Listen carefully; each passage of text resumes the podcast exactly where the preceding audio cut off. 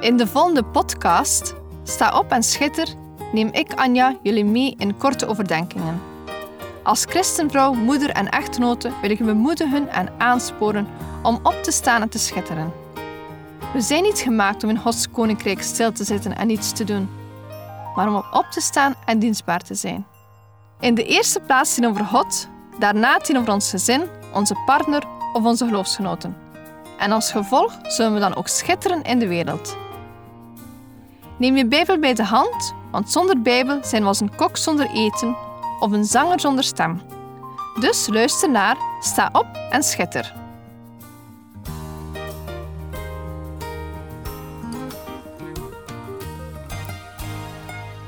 In de vorige uitzending had ik het over een loopwedstrijd.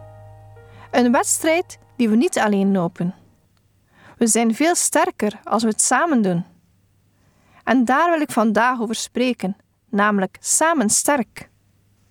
Bij het lezen van Prediker sta ik stil bij de tekst van hoofdstuk 4, vers 12, waar er staat: Een drievoudige snoer wordt niet snel gebroken.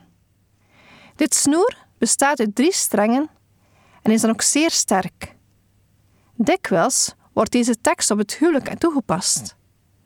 Als je samen als man en vrouw met God leeft, dan is je huwelijk sterk. Een mooie toepassing, maar laten we deze tekst eens verder bekijken door de volledige context te lezen. We gaan dus naar Prediker 4, versen 7 tot en met 12. Er is er één en geen tweede. Hij heeft ook geen kind of broer. En toch komt er geen einde aan al zijn zwoegen. Ook wordt zijn oog niet verzadigd van rijkdom. Nooit is het. Voor wie top ik mij af? Laat ik mezelf het goede ontbreken?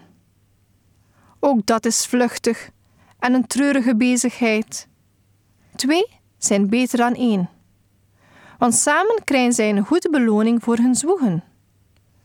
Want als zij vallen, helpt de een zijn metgezel overeind.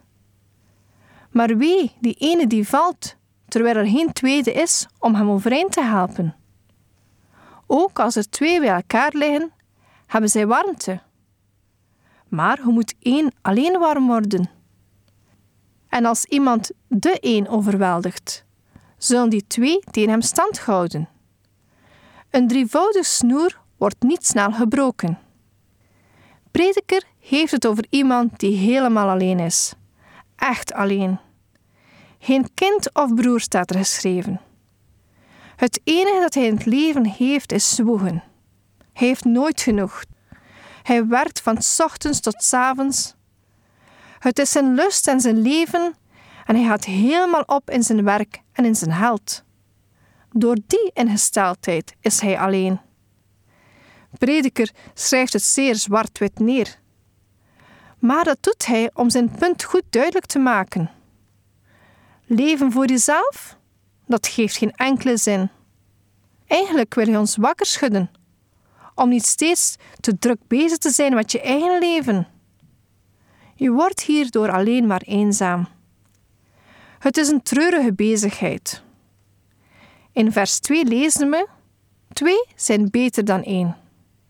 Terug een tekst die vaak gebruikt wordt in een huwelijksdienst. Hoe mooi is het niet? Maar ik vind het eigenlijk wel grappig, want er staat eigenlijk: twee zijn beter dan één. Want samen krijgen zij een goede beloning voor hun zwoegen. Het is beter met twee te zwoegen. Hierbij denk ik aan Genesis. God zei dat het niet goed is dat de mens alleen is. Hij maakte naast Adam een helper die bij hem paste. Het is nooit Gods bedoeling geweest dat mensen alleen zouden zijn en voor zichzelf zouden leven. We zijn gemaakt om relaties te hebben. We zijn momenteel bezig onze keuken te renoveren. En ik ben blij dat ik dat niet alleen hoef te doen. Mijn echtgenoot en ik zijn daarin een goed team. En deze tekst is dan ook deze week op mijn lijf geschreven.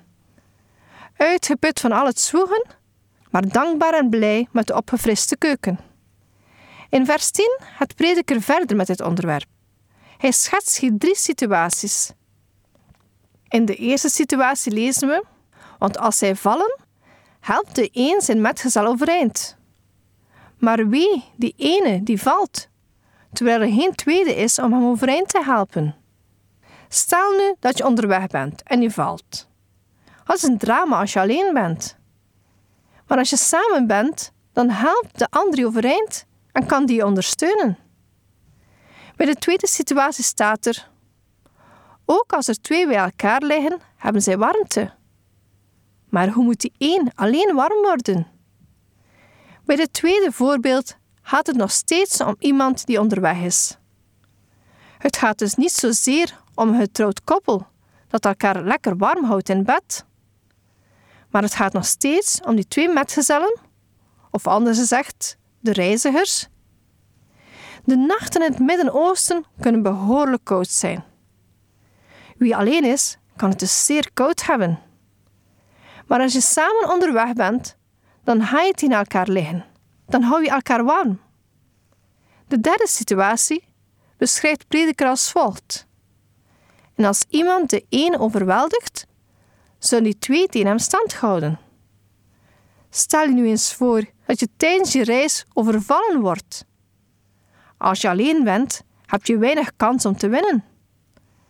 Maar als je met twee bent, dan heeft die overvaller geen schijn van kans. Samen ben je altijd sterker. Als slot zegt prediker: een drievoudige snoer wordt niet snel verbroken. Prediker gebruikt een beeld dat bekend is. Een snoer of koord dat uit drie strengen bestaat, kun je niet snel kapot krijgen. Voorwaarde is wel dat de drie strengen in elkaar gevlochten zijn. Dat heeft hechting, waardoor ze een heel vormen als één koord, niet als drie losse draden. Toch vind ik het vreemd om als slot te lezen dat je met drie sterker bent.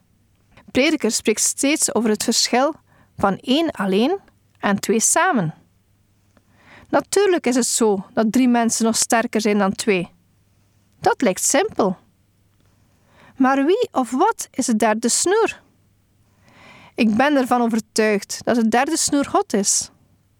We zijn allemaal begonnen aan een wedloop van het leven. Wanneer we sterk willen zijn, moeten we best met twee lopen. Als we heel sterk willen zijn, moeten we met drie lopen. Prediker schetst het leven als hard, waarin je struikelt, het koud krijgt en aangevallen wordt. Het leven kent gelukkig ook andere tijden. Maar er zijn ook moeilijke momenten. Juist dan blijkt dat je anderen een God nodig hebt.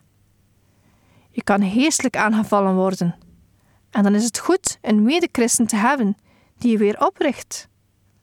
Als je onder zware druk staat, kan de ander je steunen. Als de verleiding van zonde sterk wordt, kan de ander je helpen in gebed. Als jij je geestelijk moe voelt, dan helpt de ander je om er doorheen te komen. Samenleven lukt alleen als je vervlochten bent. Ken je christelijke broeder of zuster. Deze tekst is mooi om te gebruiken met het huwelijk, maar gaat veel verder dan dat. We hebben als kerk elkaar nodig. Het klinkt zo mooi. Samen is beter dan alleen. In de praktijk is het niet gemakkelijk. Als je samenwerkt, moet je leren omgaan met anderen of anderen met jou. Relaties zijn vaak moeilijk, ook in de kerk. We zijn allemaal zo verschillend. Het enige dat ons bindt is Jezus. En Jezus is liefde die de band onder elkaar sterker kan maken.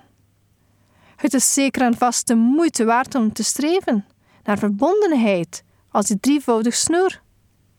Samen zijn we sterk. In Matthäus 18, vers 20 lezen we: Want waar twee of drie in mijn naam bijeengekomen zijn, daar ben ik in hun midden. God wil niet liever dan dat we samen strijden, samen loven, samen danken. God ziet ons als één lichaam. Laten we dan ook zo functioneren. Ik geloof dat naarmate het einde dichterbij komt, we elkaar hard nodig hebben. En dan zullen we samen sterk zijn. Als afsluiting nog een verhaaltje. Er was eens een man die drie zonen had. De drie jongens maakten altijd ruzie, s'morgens, middags en s'avonds. Altijd maar vechten en nog eens vechten. Op een dag zei de vader: Breng me zoveel takken als je kunt dragen. De jongens liepen het bos in om takken te verzamelen en ieder van hen kwam terug met een bos takken. Neem nu ieder één tak, zei de vader, en probeer hem te breken. Makkelijk, zeiden de jongens, en ze braken hun stokken in tweeën. Bind nu alle stokken met een touw samen, zei de vader, en probeer nu de hele bos takken te breken.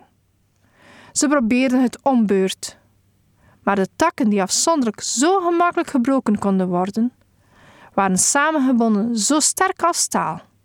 Zie je, zei hun vader, wat jullie met deze stokken doen, kan ook met jullie gebeuren.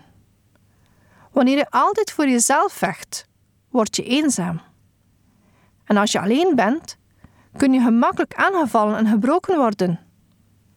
Samen zijn jullie zo sterk als deze bostakken. Samen houden we stand. Afzonderlijk vallen we. Dit verhaaltje toont hoe samen sterk zijn is. Blijf verbonden met anderen. Probeer het leven niet alleen te leven.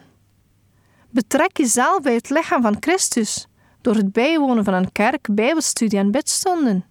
Je zal er geen spijt van krijgen. We hebben elkaar nodig. Hang eventueel een drievoudige snoer aan je keukenkast of aan je bureau, zodat je dagelijks mag herinnerd worden aan het feit dat een drievoudige snoer niet snel wordt gebroken. Deze podcast kun je steeds opnieuw beluisteren via de website en app van twr.be. Als je deze aflevering leuk vond en je wilt de podcast helpen ondersteunen, deel hem dan met anderen. Heb je gebed nodig of wil je reageren op deze uitzending? Zend dan gerust een mailtje naar anja.twr.be. Bedankt voor het luisteren.